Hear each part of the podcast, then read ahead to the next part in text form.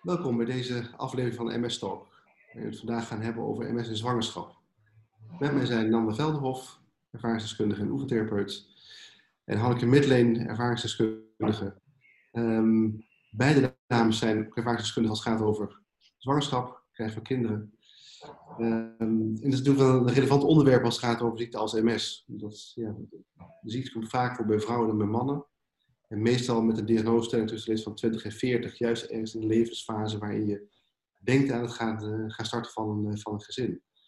Um, ik kan me goed voorstellen dat op het moment dat je geconfronteerd wordt met een onzekere ziekte als dit, en je zit in die, opbouwfase van, van je leven, van je gezin, dat het echt wel even een thema is wat dan bepaald door je hoofd heen, uh, heen gaat. Hoe is, dat, hoe is dat bij jou geweest, Hanneke? Um, toen ik de uh, diagnose kreeg, waren we eigenlijk helemaal niet bezig met uh, wel of geen kinderen.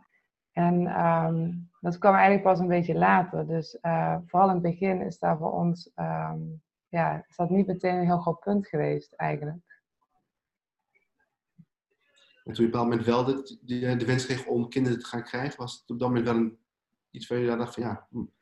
Nee, je gaat wel nadenken natuurlijk over uh, de impact die het gaat hebben op je gezin. Uh, ik zat op het moment in een rolstoel, um, dus um, het is natuurlijk wel echt iets om over na te denken, van hoe ga je de praktische dingen ook doen.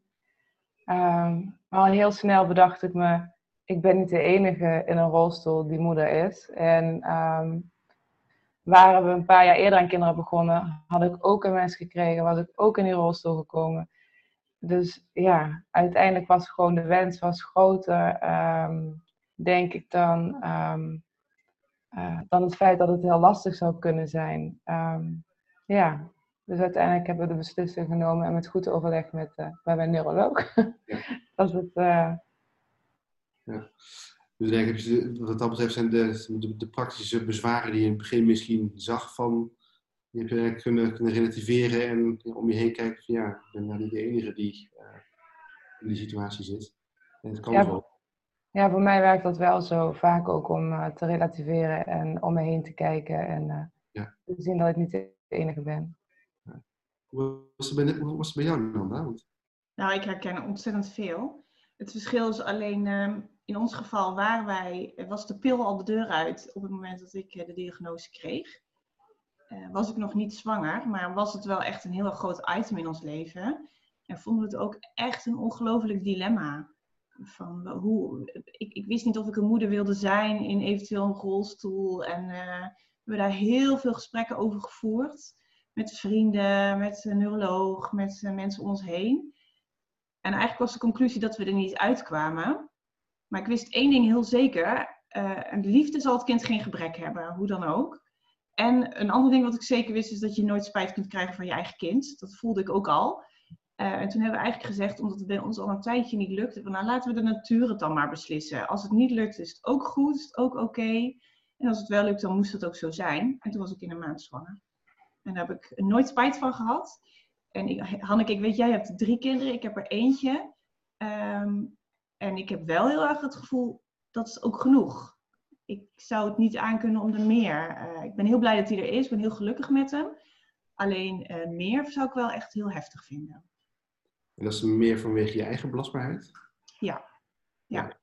ja. terwijl de, de, dingen die jullie beide allebei verwoorden was in het begin met name uh, de stuk aarzeling van ja, het hebben van een beperking en kan het dan een kind wel opvoeden. Daar zet je dan overheen. Maar dat heeft meer te maken met je eigen belastbaarheid wat dat betreft. Ja. Ja. Ja, dat ik denk van dan ga je eigenlijk weer hè, naar die babyfase en het, en het inleveren. Ik heb ook wel moeten inleveren uiteindelijk. Misschien komen we daar straks nog, uh, nog op na de, de, bevalling en de zwangerschap. En uh, het is oké zo. Het is goed. Ja. hoe hebben jullie zelf die, die, die zwangerschap ervaren? Want op bepaald moment maak, je dan de keuze om, het, om wel gewoon uh, een gezin te gaan starten. Ja, ook een beetje vanuit datgene wat, wat Hanneke net al noemde, het relativeren van ja, er zijn meer mensen die met een bepaalde fysieke beperking of wat dan ook gewoon een gezin hebben. En dan ga je die zwangerschap in. Hoe was dat voor jullie? Anneke, ga je gang. Ja, um, ja, we hebben natuurlijk de voor's en, en tegens uh, besproken ook over uh, wat er kan gebeuren tijdens de zwangerschap. Um, bij mij was het echt heel positief. Um, want tijdens die zwangerschap uh, ben ik weer uit mijn rolstoel gekomen en um, heb ik ook weer mijn rijbewijs kunnen terugkrijgen. Dus voor mij was de zwangerschap was echt op een, ja, op een roze wolk zitten toen al, ja. Voor mij idem dito. Ik vond het fantastisch mijn lichaam deed wat het moest doen. En ehm, ja, ik, ik, de, zelfs na de, de, eerste weken na de bevalling had ik het gevoel dat heel die MS-vermoeidheid dat die in mijn hoofd had gezeten, want die was er niet meer. Ik denk, ik heb het me verbeeld. Ja. Het heeft nooit bestaan. Bizar is dat, hè? Dat, dat, na het verhaal wat je van de meeste vrouwen gewoon, gewoon hoort, hè? dat in die zwangerschap het veel beter gaat. Dat je veel beter voelt. En we weten uit onderzoek ook dat de ziekte MS veel rustiger wordt in die zwangerschap. Hoe verder je in die zwangerschap komt, hoe rustiger de ziekte gaat, gaat worden. Dus eigenlijk ja, het, het, zwanger zijn bijna zo'n ideaal geneesmiddel als het, uh, wat, wat dat betreft. Er wat bijwerkingen. Er zitten wat aantal bijwerkingen aan vast. ja, dat, um, maar het, het, het bijzondere is, heel veel onderzoek is gedaan van kun je nu met die ervaring die je natuurlijk, ja, denk zo'n 90% van de vrouwen ook gewoon, uh, gewoon heeft kun je daar iets mee krijgen van de behandeling van MS? En er zijn heel veel hormonale onderzoeken geweest. En uh, het antwoord is nee, tot nu toe nog niet. Dus blijkbaar gebeurt er meer in die zwangerschap dan dat wij het natuurlijk überhaupt uh, snappen. Ja, dat, uh, maar het verhaal dat jullie vertellen is datgene wat, wat de meeste vrouwen gewoon ervaren. Ik heb wel bij kind nummer twee, heb ik, heb ik uh, wel met 16 weken heb ik um, uh, een terugval gehad. Die was wel echt een stuk minder zwaar dan dat ik uh, gewend was. Want voor mijn zwangerschap heb ik best lange tijd, iedere drie maanden, echt een kuur in het ziekenhuis gehad. Omdat het gewoon steeds misging. En um, toen met mijn zwangerschap van mijn tweede, toen heb ik dus met 16 weken een terugval gehad. Maar dat loste zichzelf echt al na twee weken of zo weer op. En ik kon gewoon weer lopen. En dus ja, het is niet iedere, niet alle drie de zwangerschappen um, uh, ja, soepvrij geweest, maar um, wel gewoon echt veel beter dan daarvoor. Ja. Voor de zwangerschap. Ja, dat past wel bij het feit dat je bij week 16 ongeveer had. Hè. Je doet dat, die, eh, dat de ziekte zelf wat rustiger gedurende die zwangerschap, hè. dan zie je het helemaal afnemen. Dus je ja. een grote kans heeft met name in die eerste fase van die zwangerschap. Dus dat, um, en um, ik, je noemde al eventjes de behandeling, die, hoe, het, hoe daarvoor was geweest. Hè? Bij was het best een, actief beeld. Hè? We aangaf, ja, toen hebben die keuze, de kant, dat zat ik dan in, in een rolstoel. Um, en dan zit je ook soms met een, een, lastig dilemma als het gaat over medicatiegebruik. Je hebt menigeen die gebruikt medicatie um, op, voordat men zwanger wordt. En die medicatie gebruikt natuurlijk om de ziekte gewoon rustig te houden. Um, ja, op dat je medicatie stopt, ga je natuurlijk een stukje onzekerheid in. En, um, hoe, was dat, hoe was dat bij jullie? Want als je heel formeel vaak gaat kijken bij medicijnen, wordt vaak gezegd van ja, je mag er niet zwanger bij worden. Maar dat is meer een soort, ja, beveiligingssticker van de farmaceut om alle claims uh, af te kunnen wenden. Maar je gaat wel een soort ja, een onzekere tijd eventjes in. Was, hoe was het bij jou, Hanneke? Ja, voor mij, um, ik gebruikte ongeveer zes maanden Avonix. En toen zijn we tot de conclusie gekomen met het terugvallen steeds dat het uh, toch echt zijn werk niet uh, deed voor mij. En uh, toen spraken we over ehm, eventueel starten met Tisabri. En toen kwam dus dat punt van, maar als je zwanger wilt worden. Dus toen um, hebben we thuis veel gesproken over, is dan nu het moment om aan een kindje te beginnen? Of gaan we toch aan het Tisabri? En toen is kind nummer 1 gekomen. Ja. En met, met geluk dat je vrij snel zwanger was? Of? Ja, ik was binnen uh, drie maanden was ik zwanger, ja. Ja, ja dat is wel soms wel, wel lastig, hè? Dat, uh, het gemiddelde Nederlands stel doet ongeveer negen maanden over. Ja, dat, uh, hoe was dat bij jou, uh, Nanda? Gebruikte jij medicatie toen je die keuze maakte? Of? nee, om, omdat dus die wens er al was, ja. toen, wij, toen wij de diagnose kregen, uh, dus toen was het eigenlijk ook, uh, het was ook nog niet heel noodzakelijk. Mijn beeld was nog niet heel actief. Dus medicatie was ook niet per se noodzakelijk. En omdat die wens er wel was, uh, hebben we er eigenlijk, eigenlijk ik, ik, wilde ook nog helemaal niet aan de medicatie. Dus dat, dat, speelde, dat speelde niet. ik had wel wat andere medicatie hè, als gevolg van, maar niet echt MS-remmende medicatie, maar wel wat andere medicatie um, voor andere bijwerkingen, zeg maar. En die kon ik gewoon door blijven gebruiken. Het gevolg was alleen dat ik geen borstvoeding kon geven. Ja. Ehm, en dat is ook iets waar, waar we over na hebben gedacht, over hebben gepraat, van hebben gezegd, nou ja, weet je, dat is dan zo. Tegenwoordig is de flesvoeding zo goed, uh, dan, dan gaan we daar niet, uh, niet moeilijk over doen. En dan uh, wordt het een fles. Achteraf ook goed, anders had hij me opgegeten, denk ik. Ja, ja. En um, je zei net eventjes gewoon die fase van die zwangerschap zelf, hè, waarbij je inderdaad gewoon, inderdaad gewoon voelt dat het allemaal veel makkelijker gaat en beter gaat. Dat bij die ms voor als het ware gewoon opgetrokken is en weg is. En ja, dan, komt, is die, dan is die bevalling er. Maar daarvan weten we op zich dat een bevalling bij mensen met MS verder niet anders is dan bij een ander. Dus dat is altijd wel... Soms merk ik zelf als, eh, als dokter nog eens dat er vragen zijn van gynaecologen of anesthesisten van goh, mag een ruggenprik wel andere dingen? Nou, het antwoord is heel simpel. Het is niet anders dan bij een ander. Nee, ik krijg alleen wel het advies uh, voor uh, pijnbestrijding, dus de, de, de ruggenprik, om me niet te uitgeput te laten zijn op het moment dat ik zou moeten gaan persen. Dus dat is het enige advies dat ik kreeg van en neuroloog en gynaecoloog. Die zeiden van nou, doe toch die rugprik. Ja, en verder kun je gewoon, je kunt gewoon natuurlijk bevallen, je kunt een pijnstilling krijgen die gewoon nodig is. Dan, nou ja, dan komt die fase daarna. En daarvan weet in ieder geval in uh, uit onderzoek dat als je gaat kijken hoe het met de ziekte zelf gaat, dat je toch een aantal weken na de bevalling dat geleidelijk aan de ziekte weer wat op komt, gaan, op, uh, op komt zetten. Um, soms zie je dat bij het geven van borstvoeding dat het wat meer uitgesteld wordt, omdat je dan iets langer in een soort ja, zwangerschapsstaat als het ware bent. Um, was het bij jullie beiden? Want Hanneke, jij hebt volgens mij wel borstvoeding gegeven en Landa, jij niet. Nee. Uh, hoe was het bij jou? Die fase na de, na de bevalling? Um, dus bij uh, het eerste kindje en de uh, andere twee kindjes nu is dat uh, wel echt anders. Um, bij Maxime, bij mijn eerste, um, kwam eigenlijk na drie maanden, kwam, ondanks de borstvoeding, kwam de MS weer echt wel in beeld en werd weer heel actief. Dus ik heb toen weer met regelmaat, volgens mij echt ook weer iedere drie maanden een kuur gehad.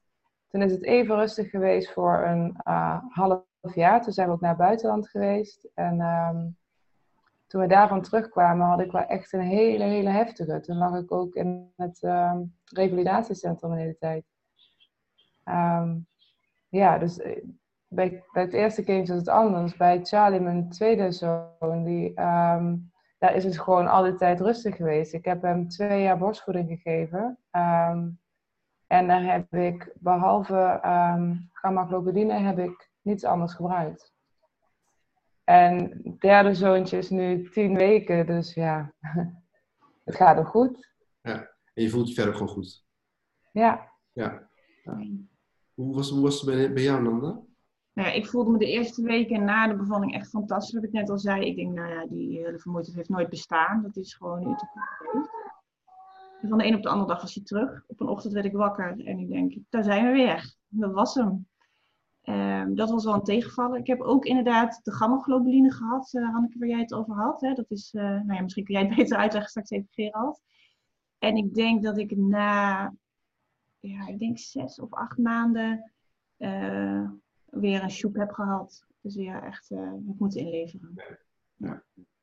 Ik vind uh, overigens die vermoeidheid, dat is wel iets wat bij mij, ondanks dat ik, uh, als ik zeg dat het goed gaat, is het vooral bij mij dat ik uh, weer fijn kan lopen en zo. Want dat, ja, dat is gewoon voor mij het hele grote ding. Die vermoeidheid, die, ehm, ja, dat blijft gewoon. Ik denk ook dat vooral mensen, eh, dat iedereen net na de bevalling en zo een tijdje ook vermoeid is. Dus ik vind dat wel soms lastig, hè, want ja, die gebroken nachten en zo, die hebben allemaal als moeder. Um, maar die, um, ja, toch die zware vermoeidheid die je bij de MS voelt, uh, die is nu uh, wel minder aanwezig dan voor mijn uh, zwangerschappen, maar die is er wel altijd. Het is niet dat dat um, weg is. Het is gewoon een soort van het nieuwe normaal, volgens mij. Het nieuwe normaal, dat is wel mooi. Het nieuwe normaal, ja toch? ja. Maar ik kan me wel voorstellen, want dat hoor je natuurlijk wel, wel vaker, wat je al zegt, ja, als jonge moeder, maar überhaupt als jonge ouder, je krijgt natuurlijk gebroken nachten en vermoeidheid gaat een bepaald moment gaat dat, sluit dat uh, erin. Um, nou, op het moment dat je MS hebt, is het al een dingetje. Hè, dat het ofwel een, uh, een, punt is wat je heel goed afstemt uh, met je partner en met mensen in je directe omgeving van hoe ga je dat nu gaan managen. Klopt dat? Of? Um, ik denk dat wij het vooral op ons af hebben laten komen, heel eerlijk. en uh, ik heb wel onderzoek gedaan als zin van, van natuurlijk hoe wil je je kindje opvoeden en zo. En daar kwam ook, daar las ik veel artikelen en toen vond ik ook het co-slapen, zo'n co-slapen naast het bed en dat maakte voor mij makkelijk in de nacht dat ik eentje naar me toe kon trekken, voeding kon geven en me terug kon brengen. En uh, zo keek ik ook naar de uh, andere praktische dingen als uh, ja, niet mijn bed uitgaan naar een verschoontafel, maar ik had gewoon alles bij het bed, zodat ik het op bed kon doen. En nog steeds. Ja, waardoor je dus minder geactiveerd wordt en ehm, ja, iets ja, meer... en snel, ja, en dan sneller weer in slaap kan komen ja. zelf. Ja. ja, je gaat de meest praktische dingen ga je ontdekken in het proces zelf, denk ik. Daar hadden wij ook met een nachtfles bijvoorbeeld, die stond boven. Dan hoefde ik niet s'nachts met een slaapdronken hoofd naar beneden. Weet je, dat, maar ik denk ook dat dat voor iedere ouder geldt. Ik denk dat je niet heel veel van tevoren kunt bedenken hoe je het wil doen, omdat het toch altijd anders zou zijn. Als, als, als jullie nu gewoon voor jezelf zo terugkijken, hè? want je, uh, jij hebt al ervaring met, met één en Hanneke zelfs met, uh, met drie. Um, allebei ook wel van iets andere achtergrond wat, wat je ziekte betreft. Hè, bij Hanneke het toch behoorlijk uh, heftig gehad heeft. Um, zouden jullie, als je uh, nadenkt over uh, of de ziekte als een mes nu je toekomstplanning of gezinsplanning moet beïnvloeden, zou je de mensen adviseren van ja, denk er goed over na? Of zou je meer zeggen van er zijn gewoon mogelijkheden en je kunt gewoon je droom nagaan van het ouder worden? Ja, ik, ik, dat is echt zo verschrikkelijk persoonlijk. Um, ik heb geen dag, geen minuut spijt gehad uh, van de keuze die we uiteindelijk gemaakt hebben. En um, ik denk ook dat er tegenwoordig zoveel, nou ja, we hebben uh, de laatste weken heel veel opnames gemaakt over nieuwe ontwikkelingen. Er zijn zoveel dingen gaande waardoor wij als MS-patiënten uh, steeds beter ouder worden, zeg maar, steeds minder hoeven, klachten hoeven hebben, dat, dat het denk ik geen belemmering hoeft te zijn. Maar ik denk wel dat het echt per persoon heel erg verschillend is, hoe je, daar, hoe je daarmee omgaat. Kijk, ik, ik roep al van nou één vind ik echt wel genoeg. Hanneke heeft er drie, zwaar respect voor. Dus dat is, dat is denk ik echt een heel persoonlijke, persoonlijke invulling die je aan moet geven. En ik denk dat, dat um, mensen gewoon in gesprek moeten met hun partner, maar ook, ook met hun neuroloog, denk ik. Dat, uh... hoe, hoe, belangrijk, Hanneke, was voor jou ook dat, dat, dat overleg met, met neurologen en eventueel MS-verpleegkundigen daarbij? Nou, zij zien natuurlijk gewoon dagelijks uh, eh, MS-patiënten. En ik wist dat uh, ik niet de eerste was met de kinderwens. Dus ik vond het wel heel fijn om, uh, om die gesprekken samen te hebben. Om, om te kijken wat het advies zou zijn, ook qua medicatie. ik wilde echt heel graag borstvoeding geven. Dus voor mij was dat ook echt belangrijk om uit te kunnen kijken wat de mogelijkheden zijn. Uh, en um, wat ik heel fijn heb ervaren is dat er, um, ja, we konden daar echt kijken naar wat wilden wij. En dan uh, heeft de neuroloog dat voor ons ook ja, soort van passend gemaakt. Dat dat dan ook uh, um, ja, meedenken bedoel ik met, met medicatie en zo. En dat, ja, dat heeft wel echt geholpen. En natuurlijk de gesprekken die je samenvoert, dat is wel heel belangrijk ik heb ook aan mijn partner verteld van ik wil echt uh, heel graag borstvoeding geven. En dat gaat sowieso al zwaar zijn, maar ik weet natuurlijk niet hoe dat is uh, met MS. Dus uh, ja, je, je, wil daar echt ondersteuning in. Ik wil niet dan dat hij zegt, nou, als ik een moeilijke nacht heb van, dan stop je er toch mee. Ik wilde dan graag dat hij mij daar ook in opbouwt en zegt van, nou kom, weet je, ik help je hiermee en we kijken morgen weer even verder. Ja. Dus, ja. Ik denk dat je heel mooi aangeeft inderdaad dat het een heel um, persoonlijk uh, proces wat dat betreft. Je inderdaad heel duidelijk gewoon ook met, uh, met neurologen en met spreekkundige dingen afstemt van wat bij jouw persoonlijke wens het beste passend is. Ik denk dat het wel een, um, mooi besluit is van, van deze uitzending van MS Talk. Dat jullie allebei uh, hebben laten zien dat MS hoeft niet in de weg staan van het krijgen van kinderen. Van het stichten van een gezin en van een ouder worden. Het blijft een heel individuele afweging, een heel individueel proces. Wat denk ik heel verstandig is om dat echt heel goed met je behandelende arts uh, af te stemmen van op welke manier kun je daar in het beste begeleid en geholpen worden waarbij je wel die wens kunt gaan vervullen van de ouder worden en daarna zoveel mogelijk de ziekte zelf rustig kunt, kunt houden. Ehm, jullie beiden bedankt voor het delen van jullie ervaringen. Um, voor ieder die, um, er meer over wil, wil weten, zou mijn zijn van bespreek het vooral met je eigen behandelaar, met je neuroloog of MS-verpleegkundige. En voor het vinden van zorgverleners verder in de eigen regio, kijk op zorgzoek van msnederland.nl. Voor nu, iedereen bedankt voor de aandacht en uh, tot de volgende keer. Tot de volgende keer.